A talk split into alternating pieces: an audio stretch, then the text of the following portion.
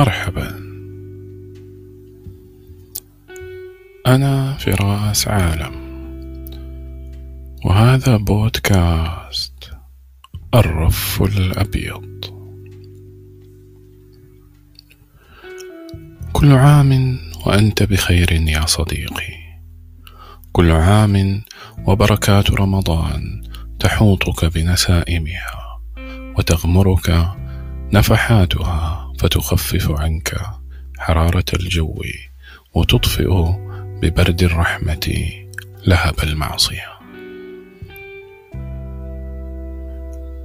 أتذكر عندما كنت طفلا أحاول الصيام وربما كنت مثلي أن رمضان كان يحل في فصل الصيف في أجواء مشابهة لهذه الأجواء. كانت أشد الأوقات صعوبة هي الساعة الأخيرة قبل الإفطار والتي يكون الإنهاك قد بلغ فيها قمته والعطش قد جفف ما بقي من الريق. ويزيد الأمر صعوبة دوارق الماء المبرد والعصير المثلج وأطباق الطعام الشهي وهي ترص على المائدة انتظارا لرفع الأذان الأذان الذي يبدو أنه تأخر دهرا كاملا لكن ما كان يمحو تلك المعاناة ويقلبها لذة لا تضاهى هو ذلك الشعور بالانتصار على النفس والذي يخالطه الفخر بكلمات التشجيع التي أتلقاها من أفراد الأسرة. كانت أجواء الإفطار حميمية ودافئة تكللها لمسة روحانية لا تخطئها النفس وكان يتوجها الضيف الدائم على مائدة الإفطار والذي يطل علينا من شاشة التلفاز بعد صلاة المغرب كل يوم. كان شيخا لطيفا بشوش الملامح وضيء القسمات. تعلو وجهه ابتسامة طفولية لا تخطئها العين. يرتدي غترة بيضاء منسدلة وثوبا واسع الأكمام. ويتحدث دائما وإلى جواره جهاز التسجيل. الذي يشغله عند بداية الحلقة. وأمامه طبق من الفاكهة البلاستيكية التي وضعت ربما لتعبر عن أجواء البرنامج المسمى على مائدة الإفطار. ظللت لسنوات لا أعرف عن الشيخ علي الطنطاوي سوى برامجه التلفزيونية. وكنت أستغرب التفاف الأسرة حوله وإصغاءهم لحديثه رغم تباين مشاربهم وتفاوت أعمارهم. وهو الأمر النادر الذي لا يتكرر ابدا مع أي برامج التلفاز سواء كانت دينية أو ترفيهية. وظل انطباعي عنه أنه شيخ لطيف يفتي ويحل مشكلات الناس. يتحدث بسلاسة لكنه يستطرد كثيرا وكثيرا ما ينسى الموضوع الذي بدأ منه الحديث. لكنه رغم ذلك يملك جاذبية لا تقاوم. ظلت تلك الصورة النمطية عندي حتى وقعت صدفة على كتاب بعنوان رجال من التاريخ والذي ألفه الشيخ ويا له من كتاب.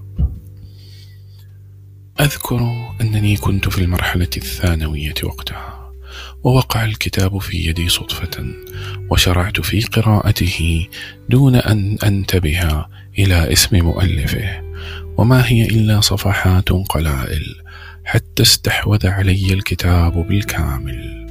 كان مكتوبا بلغة عصرية جذابة أقرب ما تكون إلى التصوير السينمائي.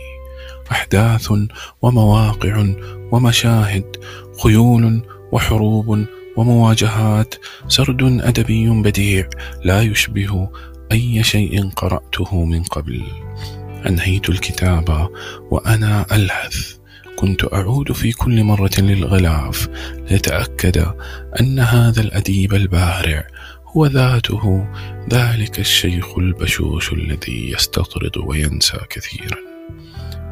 كنت أكتشف العالم الآخر لعلي الطنطاوي والذي استغرقني بالكامل لسنوات لاحقة غصت خلالها في عشرات العناوين لكتبه البديعة كان علي الطنطاوي مكتبة متفردة من الإبداع.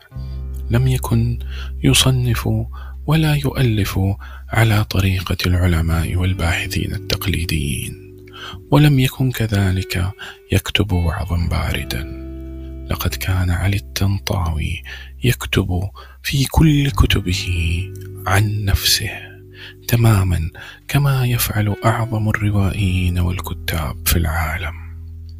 لم يكن لديه ذلك الفصل الحاد بين الخاص والعام بل يكتب بصدق وانفتاح وعفوية لكن مع حرارة وموهبة متفجرة في كل سطر. يحكي عن يتمه وفقره في صغره عن ولعه بالأدب عن حياته بين الشام ومصر عن أسفاره المتعددة عن زلاته وأخطائه ولحظات ضعفه. كان عندما يقدم نصيحة يبدأها بقصة من حياته اليومية وكيف قادته لتلك الخلاصة؟ وعندما يحذر من خطأ أو ينهى عن موقف فإنه لا يخجل أن يروي تجربته مع ذلك الخطأ حتى لو كان مجرد إحساس عابر. علي الطنطاوي أديب عملاق يأخذ بتلابيبك في ثنايا ما يكتب يحبس أنفاسك ويخطف بصرك فلا تعود تدرك شيئا مما حولك حتى تترك الكتاب منبهرا ذاهلا عما جرى خلال الساعات التي كنت فيها بصحبته. إن كنت تبحث عن قراءة ممتعة ومفيدة في رمضان تقربك إلى الله وإلى نفسك دون أن تشعر بالملل فدونك كتب علي الطنطاوي. اقرأ إن شئت. رجال من التاريخ وقصص من التاريخ لتعيش سير الصالحين وتراها كما لم ترها من قبل وكما لا يستطيع أي عمل درامي أن يفعل. اقرأ أخبار عمر وقارنه بالمسلسل المثير للجدل. اقرأ صور وخواطر حيث التصوير الذكي اللماح لمشاهد من الحياة اليومية في عبارات سلسة رشيقة. اقرأ من حديث النفس حيث الفصول الأكثر بساطة وصدقا وايجازا عن سيرة علي الطنطاوي الانسان رحم الله العلامة الأديب المفكر علي الطنطاوي. لقد رحل وترك مقعده على مائدة الإفطار خاليا. ولا أظن أن أحدا يستطيع أن يشغله من بعده مهما حاول. طابت أوقات